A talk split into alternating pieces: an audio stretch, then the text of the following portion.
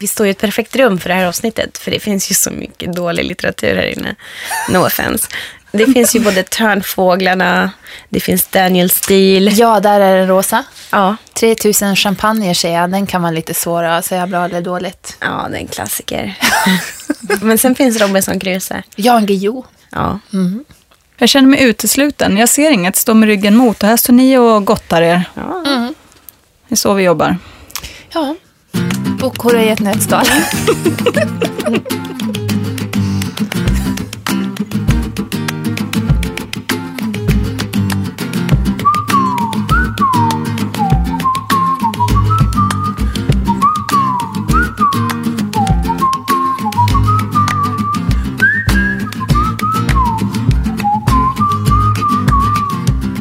Det är dags för Bokpodden nummer 11. Vi gör den tillsammans med nätbokhandeln Bokus. Och dagens ämne är så himla kontroversiellt. Det är bra och dåligt. Jag blir helt nervös av det här ämnet. Varför det? Ja, men det, folk kommer att tycka till, de kommer att bli arga på oss. Men det är ju bra. Alltså kanske inte att de blir arga, men det är bra att folk tycker till. Hurra för att tycka till. Jag tycker det är jobbigt när de blir arga på mig. Men då får du sluta vara som provokatör. Jag måste gärna få säga vad jag tycker. Men då kommer andra människor också tycka. Det är det som är det fina med kråksången. Jag vet, jag vet. Du vågar ta debatten. Mm. Ja, gud ja. Det är ett aktuellt ämne. Hela tiden. Ska vi se vad vi ska göra idag? Vi kommer att prata om Knausgård, jag och Johanna K. Åsa kommer att prata med Jonas Tente, som är kritiker på DN. Japp. Om bra och dåligt, antar jag. Mm. Och jag kommer att prata med en bloggare som heter Ingerun Sjösvärd på samma ämne. Och så är Joe tillbaka och vi pratar om Jonas Gardells Torka aldrig tårar utan handskar. Den serien, vad hon tycker om den. Spännande. Vässa era mailprogram och var redo att skicka in synpunkter. Stretcha fingrarna. ja, nu sätter vi igång.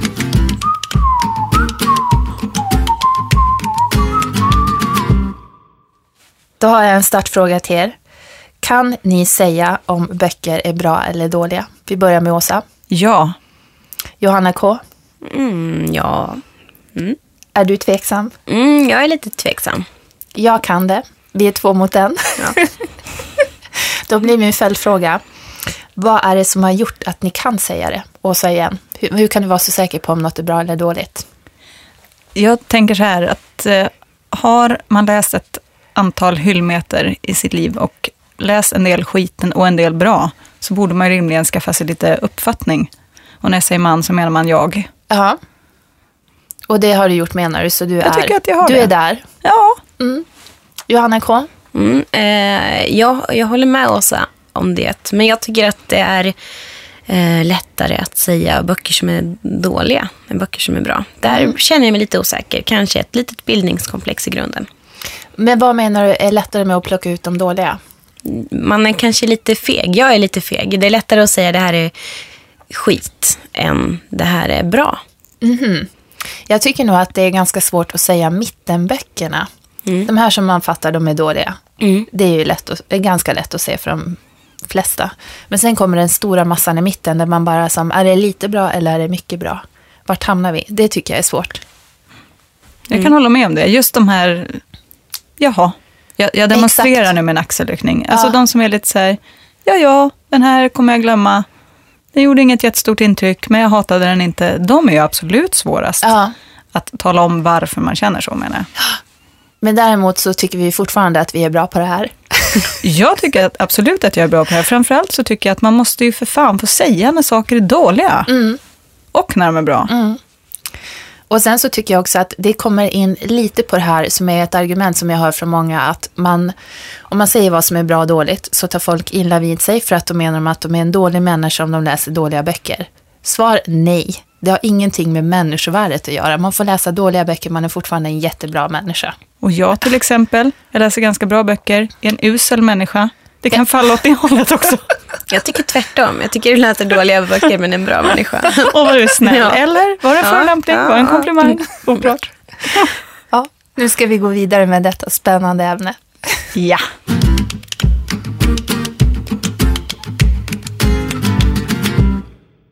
Får jag bara inleda? Ja, du får inleda. Då kommer du, då kommer du säga någonting som är till nackdel för mig, men okej. fine. Nu är jag så himla nervös, för Johanna K har sagt att de vill prata om Knausgård. Och jag misstänker att det inte kommer att bli till hans fördel. Ah, nej, nu har jag skrivit ut en lista med punkter. Nej, jag skojar. Ja. Eh, men så här var det ju. Vi eh, var och åt mat för en månad sedan och pratade om en eh, fredagsfråga som vi skulle ha som var Händer det att du undviker ett helt författarskap därför att du avskyr författaren? Och då så avslöjade jag innan att jag skulle eh, skriva att jag undviker Knausgård för att jag tycker att han står i vägen för sina böcker. Och då blev du förvånad. Hakan följer bordet. Ja, den, den följer bordet, eller i bordet och då tänkte jag bara, varför blev du så förvånad? För att jag älskar Knausgård. ja, ja. Nej, men jag blev så förvånad för att jag tycker att i samband med den här frågan eh, så tycker jag att Knausgård är en ganska mild författare. För när jag och Johanna Ö pratar om Jonas Gardell, han tycker jag är en sån väldigt eh, dynamisk, han syns mycket, han är överallt, han tycker till om massa olika grejer. Det är liksom ingen brist på att få tag i Jonas Gardell-nyheter. Men Knausgård är ju, nej, han syns ju inte. Va, vad gör han för dig som gör att han står i vägen? Fast- Jag fattar inte det. ja. Jonas Gardell är ära, men Knausgård syns ju också överallt. Han tar chansen till att synas överallt. Han syns i Vi läser, Babel, på Bokhora, Ja, men det är mer... Jag morgontidningarna. går direkt i försvarsställning. det är mer i samband med att han släpper böcker. Och jag tycker att Jonas Gardell är mer hela tiden. Och det är därför jag tänker, alla författare får väl synas när de släpper böcker, annars vore man ju elak. Nu syns Sofie Oksanen jättemycket, jag har läst flera intervjuer med henne för att hon kommer med en ny bok. Det är väl okej tycker jag. Men min invändning är snarare, eh, är han man nog för att, eller är han författare nog att få all den här uppmärksamheten? Är han en sån halvgud som folk tycker? Mitt svar är nej. Mitt svar är ja. Du tycker att han är en halvgud? Jag kanske inte tycker att han är en halvgud, men jag tycker att han är värd uppmärksamheten.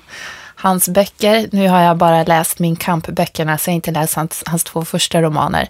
Men de tycker jag är, ja, de är otroligt, otroligt bra. Jag är helt övertygad om att de här kommer att stå sig. Så det är inte så att de bara kommer att vara bra de närmaste fem åren, utan de kommer att vara bra länge. eh, han kommer finnas i, liksom i litteraturhistorien. Man kommer prata om Knausgård om tio år. det tror jag. Det är väl tacksamt att ta den här kopplingen till Marcel Proust på Spaning efter en tid som flytt, för det är också så här massivt verk, flera tusen sidor. Det har jag inte läst, så jag kan inte säga hur är det. Men bara det här projektet, att man skriver om sitt liv, väldigt detaljrikt. Ja, jag tänker han är det. Han är våran motsvarighet till det projektet. Ja, för jag, jag tänker en, en liknande tanke. Men, men det är just att vi kommer om 20 år, 10 år så kommer vi se tillbaka till, ja men det var ju början av 2000-talet när män skrev 3000 sidor om sina liv och vi sa wow. Ja, mm. Ja, intellektuellt har jag svårt med det här, för jag är ju då också feminist, så jag tänker bara, det vore ju jättetrevligt om det kom en kvinna som skrev 3000 sidor om sina liv. Det har det ju inte gjort än. nej. Eh, men samtidigt vill jag tänka att jag står över kön i det här fallet. Eh, att det spelar ingen roll att Knausgård är en man. För det handlar ju inte om att jag är så himla intresserad av att läsa honom som man. Utan jag tycker att han skriver bara så himla bra. Han berättar om sina tråkiga vardagssysslor och det är fantastiskt att läsa om dem. Ja, men det, det, det, det är min största invändning. Hur han beskriver på två sidor hur han diskar en kopp. Underbart. Ja. Ehm, och, och hur han skriver om... Jag, jag tog ut ett exempel som jag bara... Jag ska bara läsa lite högt. Ehm, jag drog skjutaren till kylen åt sidan och tog, tog ut tre halvlitrar Sprite, letade med blicken ut med hyllorna efter chips, hittade dem, tog två påsar, lade dem på disken. Och så ett paket Tidemans gul med papper, sa jag. Och sen fortsätter det på det här viset. Och, och han funderar på varför kassörskan inte tar pengarna eh, direkt från hans hand, utan hon låter honom lägga ner dem på disken. Eh, jag tycker att Kill Your Darlings skala av lite. Ja, det, när, man låter när man läser det så här lösryckt så kan man ju tänka bara hur viktigt är det här? Det är för mycket detaljer. Men ändå är det någonting som gör att jag bara forsar igenom de här böckerna. Jag stannar aldrig upp och tänker bara oj, oj, oj, jada, jada, jada, stryk. Utan jag tycker snarare bara, bara fascinerande. Två påsar chips. Oj, oj, oj. Men, men om vi återgår till frågan som vi hade precis i början av det här äh, avsnittet. Är det här bra litteratur? Ja, det är bra litteratur. Jag säger nej. Du har fel.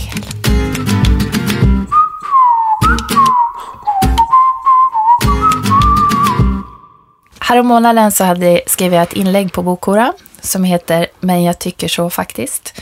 Eh, som handlar om bra och dåliga böcker i fråga om kvalitet. Och jag menade att det finns böcker som är bra, det vill säga bra kvalitet. Och så finns det böcker som är sämre, det vill säga som har dålig kvalitet.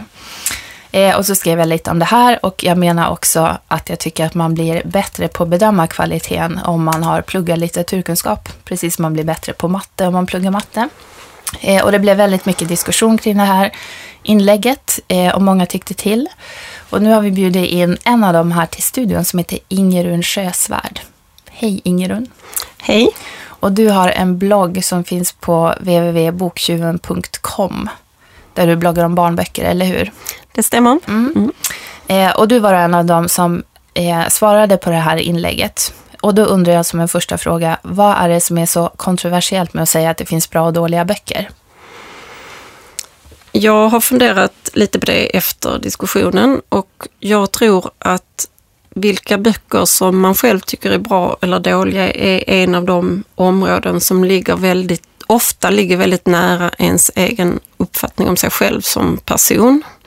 Och om någon säger att eh, de böcker du läser är simpla så känns det som att personen som att den andra säger att eh, du är en simpel person som läser dessa dåliga böcker.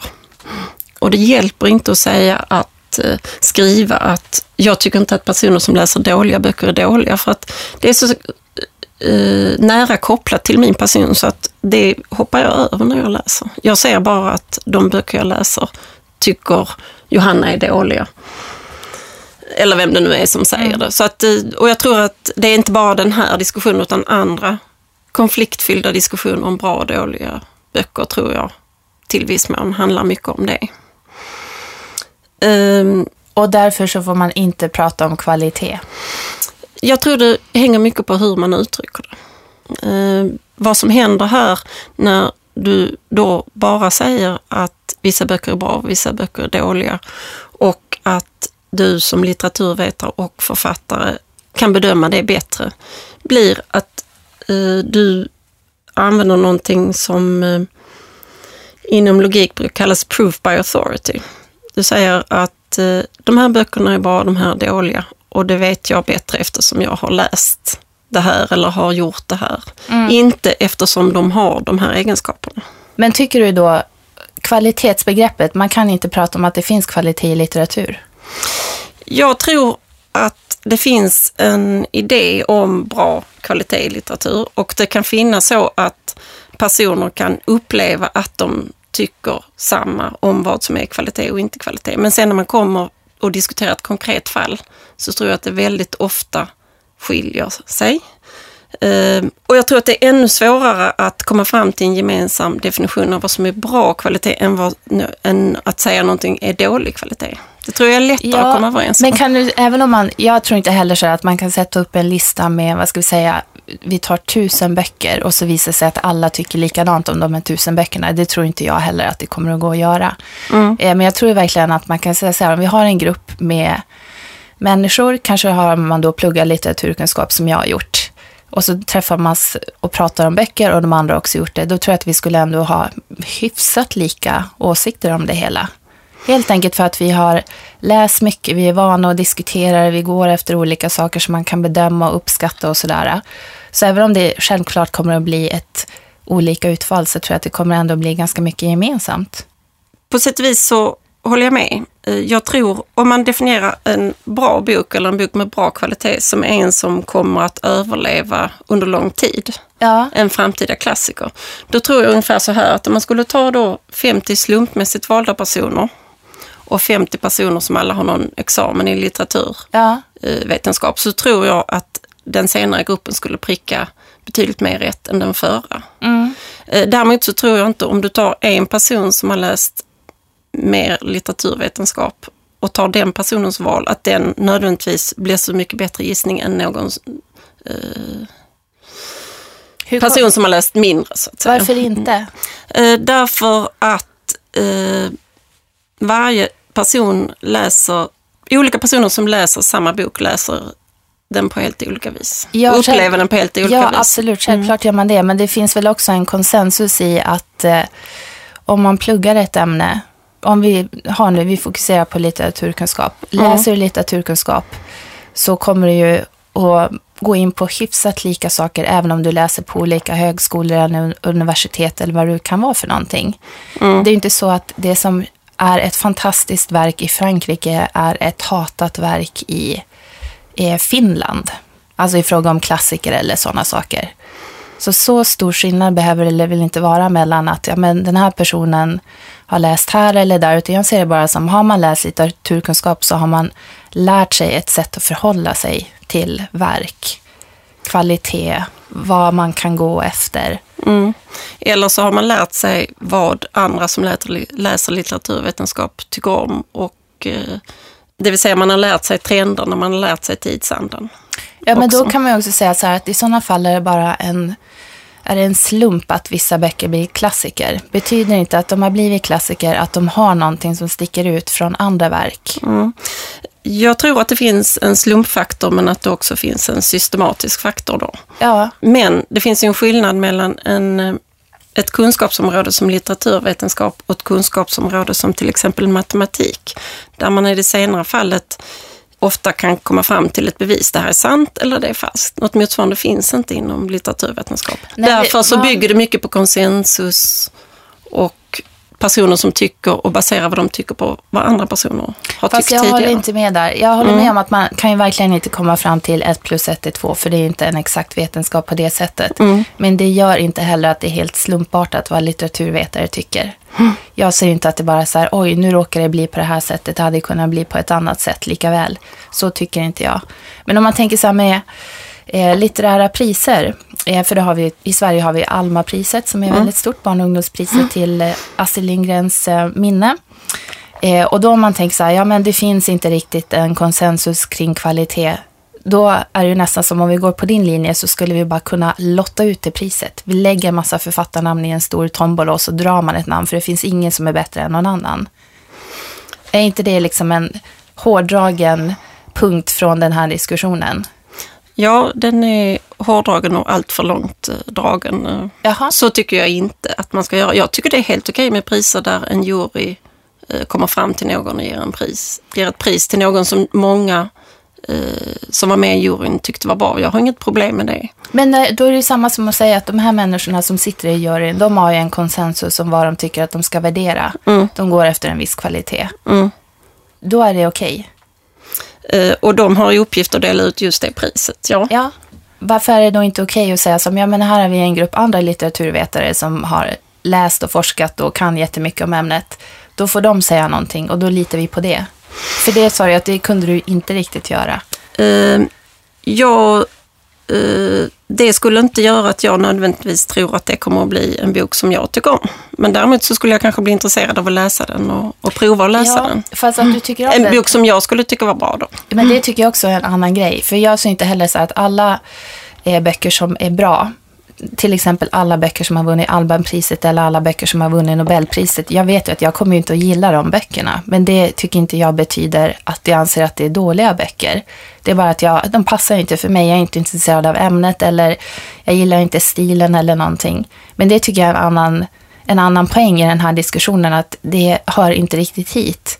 För om man pratar om kvalitet så ser jag bara kvalitet är en sak.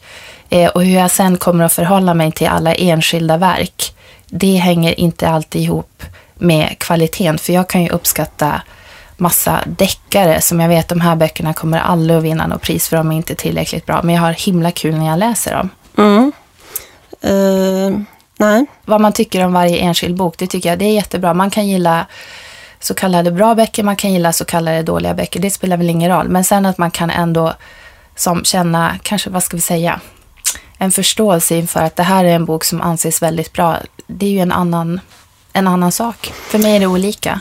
Mm. För mig så har det inte varit definitionen av en bra bok så som du beskriver nu. Att en bra bok är, betyder för mig den som en person tycker är bra. Alltså du menar att det räcker med att en person tycker att en bok är bra så är det en Så är den bra för den personen då. Ja. Ja, Eh. men det här med det vidare kvalitetsbegreppet. Du säger inte att det kan aldrig stå över vad den enskilda personen tycker. Jag tycker inte att det finns ett absolut att det är, behöver vara ett likhetstecken. Att den utbildade alltid behöver vara rätt över den eh, outbildade. Mm. Eh, säg att jag läser 40 poäng matematik. Om, jag behöver inte nödvändigtvis förstå det bättre än en som läst 20 poäng matematik. Så det, det är inte bara för litteraturvetenskap som jag anser på det viset. Okej, men då är det ju... Jag tycker det blir svårt att diskutera i sådana fall. Då kan man säga så här, det finns alltid underbarn. Det finns alltid sådana som har pluggat i fem år och inte fattar någonting. Eh, och det gör att då kan vi inte ta det här... Eh, vi kan inte ta det på allvar. Om man hela tiden ska ha den, vad ska vi säga, diskrepansen eller den brasklappen. Det kan man om man eh, ser till att lägga lite statistik över det, att man frågar många. Mm. Men om vi tänker då, när du läser eh, böcker själv, eh, om det är vuxenböcker eller barnböcker eller vad det är för någonting, Mm. eh, då måste du känna ibland att, ja men gud, den här boken är verkligen, det är en bra historia, det är djup i karaktärerna, fint skrivet, allting funkar. Du måste ju verkligen känna då att här är det fråga om kvalitet, jämfört med det jag läste förra veckan som inte var så mycket kvalitet. Det gör jag ofta, ja. Ja. Det stämmer. Eh, och upplever du inte också att om du läser Ja, om du läser mycket inom en viss genre, om du läser, om du fokuserar på barnböcker, blir inte du då också bättre på det? Det vet jag faktiskt inte, men en sak som händer när man läser mycket inom en genre eh, blir ju att man märker bättre vilka böcker som kanske mycket kopierar och inte har något eget. Så det är ju en sak som man i alla fall lär sig. Ja, och där kan man väl tala om en kvalitetsskillnad. Ja, Att man får en uppfattning om Ja. att det här är grundkvaliteten, Mm. det här är lite bättre, sen har vi Mm. då bottenskrapet som inte är så mycket att komma med. Mm. Nu har vi diskuterat Ingerun. Mm. Eh, och jag tror att det här är en sån här grej som man kan fortsätta diskutera i 50 år, 100 år. tills man dör. Tills man dör. Man kommer alltid kunna dra upp nya argument eller jämföra böcker eller sådär. Men tack så hemskt mycket för att du kom hit och ville vara med. Mm. Tack så mycket och det var jätteroligt att få vara med. Får vi läsa vidare inlägg och sådana saker, vad som händer i diskussionen.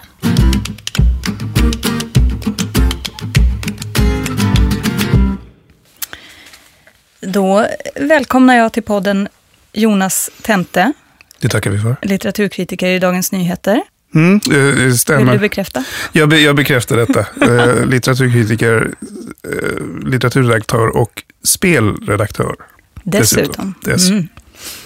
Du, du är här idag för att prata med mig om eh, vad som är bra och vad som är dåligt. Mm. Alltså rent objektivt, finns det någonting som är bra och något som är dåligt? Det är en bra fråga och dålig eh, på samma gång. eh, eh, nej, men jag, alltså, jag tror så här kan man väl säga att eh, i alla fall om man är kritiker och förmodligen om man är människa överhuvudtaget så måste man utgå ifrån att det finns saker som är bra, saker som är dåliga. Det har ju, vi har ju blivit relativistiska de senaste i alla fall 50 åren eh, vad gäller allting. Att eh, det beror på vem som bedömer det, det beror på iakt, det finns i iakttagarens blick etc. Och det där kan ju få hemska konsekvenser, tycker jag då, när man diskuterar att, ja som exempelvis könsstympning, det är ju bra ur de som könsstympars perspektiv. Eh, så därför så ska de få hålla på med det. Va? Det är kulturrelativism. Ehm, jag tror att man, både som individ och som, eh, som samhälle måste på något vis bestämma sig för att vissa saker är bra, andra är dåliga. Vad gäller just litteratur så är det jag som bestämmer vad som är bra och vad som är dåligt.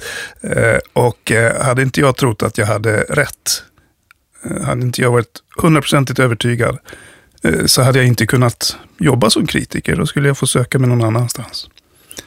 Så det är väl min, min eh, något obskyra men ändå korrekta bild av hur det ligger till med rätt och fel. Ja, men för när du säger så här, det är jag som är kritiker, det är jag som, som bestämmer. Då är min följdfråga, är det i verkligheten, i samhället, på riktigt, är det kritikern som bestämmer där vad som är bra och vad som är dåligt? Alla är vi kritiker brukar man säga. Och eh, en van, vanlig eh, parallell det är att dra till andra yrkesområden. Så här, som, eh, bland annat den här, den här skämttecknaren i Svenska Dagbladet, Berglins, eh, som just har diskuterat det här med, med litteraturen kontra alla andra aspekter i samhället. Att vi, vi, eh, Om vi hade skitit i svampexperten till exempel, som sa att ät inte den där röda svampen med prickar på. Så säger jag, ja men det är väl upp till mig. Så, eller en bilmekaniker som talar om vad det är för fel på det. Jag tycker du ja. Eh, sånt gör vi inte, men när det gäller litteratur så är vi betydligt mer relativistiska och kallar det för elitism ifall någon, som jag kanske, som du, eh, som har läst kanske väldigt mycket mer än vad de flesta har gjort. Eh, när man använder sin expertis för att, för att diskutera litteratur och sådär, då ja, man hamnar i ett besvärligt läge. För det är ungefär som att tala om vilken färg som är bäst, anser många. Men du, när du säger här, det kallas för elitism. Mm. Av vem? Vem kallar det för elitism? Ja, i allmänhet som, eh, av de som inte är lika säkra. Som inte har läst lika mycket, om vi talar om att läsa mm. och så vidare. För det är väl som inom politiken. Alla politik, politiker vet att frågor alltid har tusen sidor fler än vad, vad det i första, första rummet tycks som. Eh, men de vet också att eh, här finns en demokratisk process, vilket gör att de måste förenkla och förenkla och förenkla. Till sist vilar de bort sig och säljer sig fullständigt. Därför att det blir för, ingen orkar ta ställning till så många, så många aspekter och då blir det ett bra eller dåligt till slut. Mm. Och så där jobbar ju lite grann en, en, en kritiker också. Eh, att eh, i elfte timmen så måste man skriva en text eller eh, säga någonting, tycka någonting. Och då skalar man alltid bort det där, den här jobbiga processen som har lett fram till beslutet.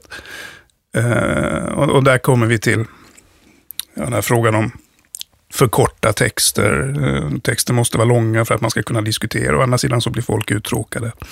Eh, för de vill läsa själv. Så att nej, jag tror att elitism, det blir man kallad av folk som mer eller mindre rätt, eh, med mer eller mindre rätt tycker, känner sig förolämpade över att någons tyckande, eftersom det anses vara det det är frågan om, att man tycker någonting mm. istället för att veta någonting säkert. Eh, att, att någons tyckande ska vara bättre än, än mitt eget. Så. Och det, det upprör ju naturligtvis, det, det förstår ju var och en. Men det är inte bara elitist man kan kallas för.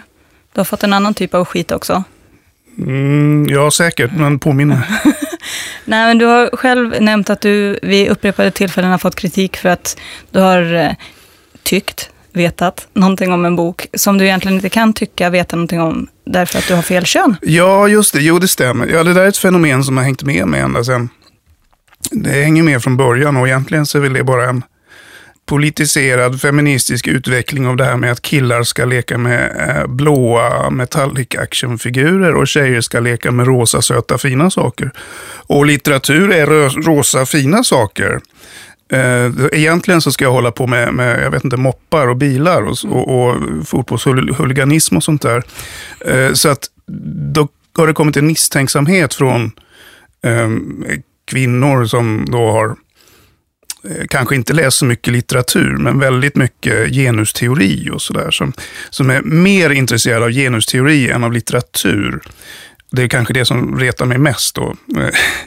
Men eh, jo, nej, men de tycker att jag ska, jag, jag ska inte uttala mig om litteratur skriven av och som de tycker för kvinnor specifikt då. Och det är lite frustrerande. Jag är medveten om att de som läser böcker i princip, det är kvinnor. Och många av dem som jag skulle, jag har inga siffror, men jag skulle tro att en övervägande del av våra författare är kvinnor just. Och då kommer den här frågan om vad, vad exakt är kvinnligt och hur skiljer sig det från mänskligt och, och så vidare.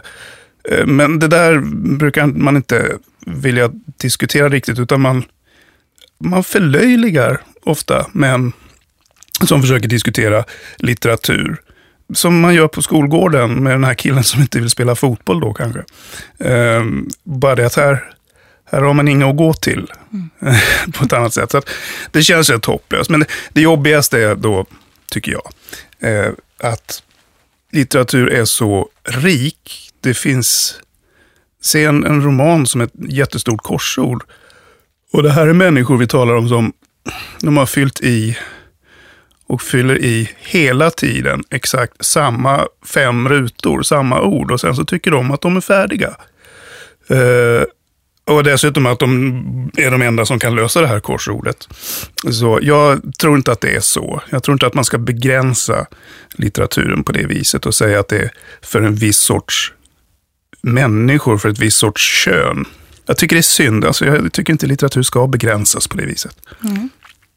Men om vi bestämmer oss nu för att, att du hade rätt i det du sa, att du vet vad som är bra och du vet vad som är dåligt och du har rätt. Ja. Kan du inte berätta då, vad, vad är bra och vad är dåligt? Nej, det kan jag inte. Det finns inga generella, generella regler. Ehm, däremot så måste jag, en, en kritikers första och kanske ibland viktigaste uppgift är att kritisera sig själv. Titta på sina egna motiv. Eh, var kom jag ifrån? Varför tycker jag att just det här är bra? Och det här är, det blir till marginalanteckningar, eller bör bli hela tiden medan man läser marginalanteckningar till, i sitt inre notesblock. Eh, där man hela tiden observerar sig själv också. Och om man stöter på någonting som man känner att det här är det här är nog för personligt. Det här kan inte jag riktigt säga att någon annan upplever. Då måste jag antingen förklara varför jag känner det. Eller så får jag helt enkelt ta bort den diskussionen eller försöka hitta någonting som, som är gemensamt. För att, eh, kritiken är ju ett samtal. Man måste kunna hålla ett samtal, det är ingen monolog. Så, så, så, även min text måste kunna samtala om den bok jag har läst med en läsare som i många fall inte har läst den. Um, jag har ju svårt att skriva om poesi Eh, av den anledningen. Därför att jag, jag läser poesi på ett mer personligt sätt tror jag. Eh, det, den kommer närmare mig än eh, en roman, en prosa gör. Och då känner jag att jag kan inte, jag tycker att den här diktsamlingen är skitbra. Men jag kan inte tala om varför. Eh, det, det kanske har att göra med att jag känner igen mig själv som sjuåring eller att det här har jag gått och grubblat på i flera år, men det är bara jag kanske. Ja, då avstår jag hellre. Liksom. ja, visst, ja. då, då, avstår jag nog hellre. För att jag, jag kan inte säga till någon, ja, köp du den här. Om du, du som aldrig köper poesi då, och vill pröva på, då ska du köpa den här, för den har jag barndomsminnen av. Mm. Eh, sådär. Den kostar 220 spänn. Och det är en värld, för jag upplever den starkt. Sådär. Jag kan inte göra det. Utan det är en omfattande process för mig. När jag skriver om poesi så vill jag kunna ha på fötterna mer. Jonas, jag tackar så hemskt mycket ja. för att du kom idag. Det var så lite så. Jag tackar själv. Tack, tack.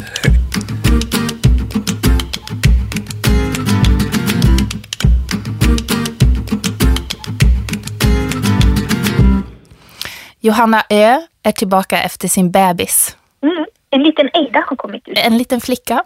En liten flicka, ja. Ja, som nu är utkörd ur huset för att du ska spela in ett poddinslag. Ja, precis. det, ska, det ska börja i tid. Om vi har någonting som skriker i bakgrunden så förstår vi vad det är. Det är bebisen. Ja. Eh, vi ska prata om Jonas Gardell, eller snarare du ska prata lite om Jonas Gardell. Jag har inte läst honom, men det har du.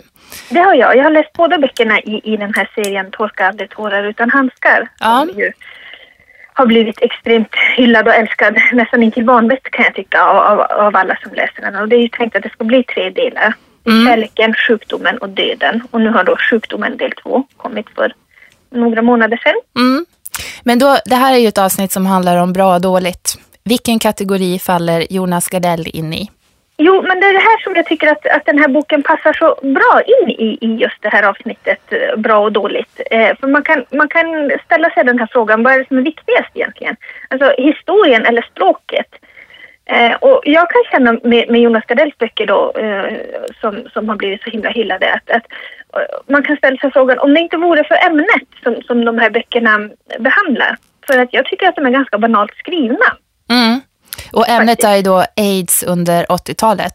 Ja, man kan, om, jag ska, om jag ska dra nu någon form av, av eh, historia kring vad de handlar om så handlar det om ett, ett, ett gäng homosexuella eh, killar. Eh, som står I fokus för berättelsen står ett ganska ungt par som heter Benjamin och Rasmus. Så det här är strax innan aids-epidemin bryter ut kan man väl säga. Mm. Och jag minns ju, fast jag var ganska ung då, men jag minns ju när hela den här aids-debatten kom och, och, och rädslan som, som var då. Man fick aids av myggor. Mm. Det var väldigt jobbigt när man bodde i Norrland. Och genom att nästan ta i dörrhandtag eller det var ju Ja, det var extremt toalettstolarna. Ja, jag kommer ihåg att jag tittade väldigt skepticism på vår egen toalettstol, hur jag nu trodde att aids skulle ta sig dit. Men, men alltså det fanns ju en, en, väldig eh, rädsla för, för aids eh, när, när den här epidemin bryter ut. Och det, det här är ju en tid i historien som inte har skildrats i, i svensk litteratur åtminstone Mm. förut. Mm. Så, att, eh, så det är ju någonting som är helt, ett helt nytt ämne som, som Jonas Gardell tar sig an. Och på ett sätt så är det ju helt logiskt att det är just han. Eftersom som- han, är, han, har, han delar den erfarenheten. Han har levt under den här tiden. Han delar den erfarenheten och sen är han ju liksom eh, tillsammans med sin man hela Sveriges gay Ja, någonstans. Så, så det är klart att är det någon som ska skriva det så, så, så är det väl han. Eh, men jag tycker inte att de är särskilt roligt skrivna. De är ganska banala. Eh, I första delen framför allt så känns det väldigt stereotypt. Framför allt i dialoger. Det är ett ganska klichéartat persongalleri. men då säger du att de är ganska banalt skrivna och sådär. Och det här är ju ändå romaner som folk läser i ett rus. Alltså de är ju, man verkar bli ganska besatt när man läser de här romanerna, att man bara plöjer dem. Ja. Han måste ju vara ändå väldigt bra på att få upp ett driv i texten. Ja, kanske. Eller så är det fortfarande det som jag återkommer till. Att, att det, liksom, det, det är ämnet, det är helt nytt. Vi har, det är aldrig någon som har pratat om det här i, i Sverige förut. Och vi, jag menar, vi pratade ju knappt om det när, när det kom, förutom att det var liksom skrämselpropaganda. Mm. Och sen, dess, sen har det gått 30 år och vi har liksom inte pratat om det Mm. överhuvudtaget. Så, att, så jag tror snarare att, att ruset kommer sig av att, att det här är liksom någonting väldigt nytt. Men, men jag vet inte, jag har ju gjort det här förut, jag vet inte om du minns men, men eh, när Susanna Alakoski kom med sin Hoppas du trivs bra i fängelset så skrev jag ju en text på Bokhora där jag sa att jag tyar inte mer socialrealism. Mm. Och det blev ju ett jävla liv. Mm. Eh, och jag ska inte gå in på den recensionen nu men det, här skulle kunna bli lite samma sak. Att jag eh, svär lite i kyrkan när jag säger att, att Jonas Gardells eh, Torka aldrig tårar är, är inte så bra som Nej, han har ju fått, ja, nej, men alltså, han har ju fått väldigt mycket beröm för det. Han har ju fått priser. Eh, ja, men jag har inte läst så mycket negativt överhuvudtaget om de här böckerna, men då är det kanske just det här att eh, man bortser ifrån hur han har framställt det, för man vet att det är så himla viktigt att den här historien berättas. Det är det som är Ja. punkt nummer ett. Ja, alltså så, så känner jag eh, nog ganska starkt faktiskt in, in, inför de här böckerna. Eh, sen tycker jag att nummer två då, sjukdomen som, som jag läste nyligen, är bättre Mhm. Eh, än ettan. Eh, och jag vet inte om det handlar om att, att det, det, det finns en annan, en annan lågmäldhet i, i den här. Den första boken är, är väldigt så här, ja men som ja, men de här du vet, stereotypa gay killarna som, som viftar sådär med handen och pratar fjolligt. Och, Mm. och liksom, alltså hela den där grejen som, som kan göra mig ganska trött. Att är det så alltid man ska skildra homosexuella? Mm. Det känns så himla gjort. Mm. Eh, men det finns en annan lågmäldhet i, i bok nummer två som, som gör att jag tycker egentligen bättre om den. Men då, jag måste fråga dig då, när du läser det här, för man har ju väldigt många som läser de här böckerna och bara eh, lever i en Kleenex-box för att de grinar så mycket under tiden. Eh, när du tog dig igenom de här, kunde du känna då så här analytiskt, ja men det här, jag köper inte det här, jag tycker stilen är jobbig, bla bla bla, men jag blir ändå så berörd. Nej, och då ska man komma ihåg att jag har läst båda de här böckerna när jag har varit gravid. så du borde ha gråtit floder. ja, och jag, har varit, jag är en väldigt känslosam eh, gravid person så att jag, jag grinar åt liksom allt verkligen när, när jag är gravid. Men jag, grät, jag har inte gråtit faktiskt till någon av de här böckerna. Herregud. Ja, det, det, känns lite, det känns mycket märkligt. För annars så, jag har mycket lätt att, att börja gråta till litteratur annars. Men, men här, jag vet inte. Men ibland tänker jag att, att det har blivit så med, med mig och Gardell lite som det är med mig och Björn Ranelid. Alltså att han har blivit en sån där författare som är liksom större än, än sina verk, än, än, än böckerna han skriver. Han är i vägen hela tiden. Ja, Att jag liksom, jag hör och ser Jonas Gardell när jag, när jag läser de här böckerna. Ja. Och det, det blir besvärligt. men tänker du, du sa att tvåan var lite bättre. Tänk om det går då i den positiva riktningen att trean kommer att vara bäst. Det, det tror jag nog och, och framförallt kanske jag, jag säga, äntligen kommer att börja grina där för att den, den heter ju trots allt Döden. Så då om inte förr ska, det väl, ska jag väl kunna pressa ur några tårar tänker jag. Herregud, kommer du inte att grina där då så måste du göra någon, du får göra får- hälsoundersökning. Precis. Ja men okej Johanna, Mm. vi ska börja avsluta men då är det här, det blir helt enkelt en svår bok att kategorisera. Både bra Ja. och dålig, fast av anledningen ämnet så blir den bra. Ja, precis. Alltså just det här att man kan tänka ämnet angeläget, eh, språket eh, ganska oengagerat.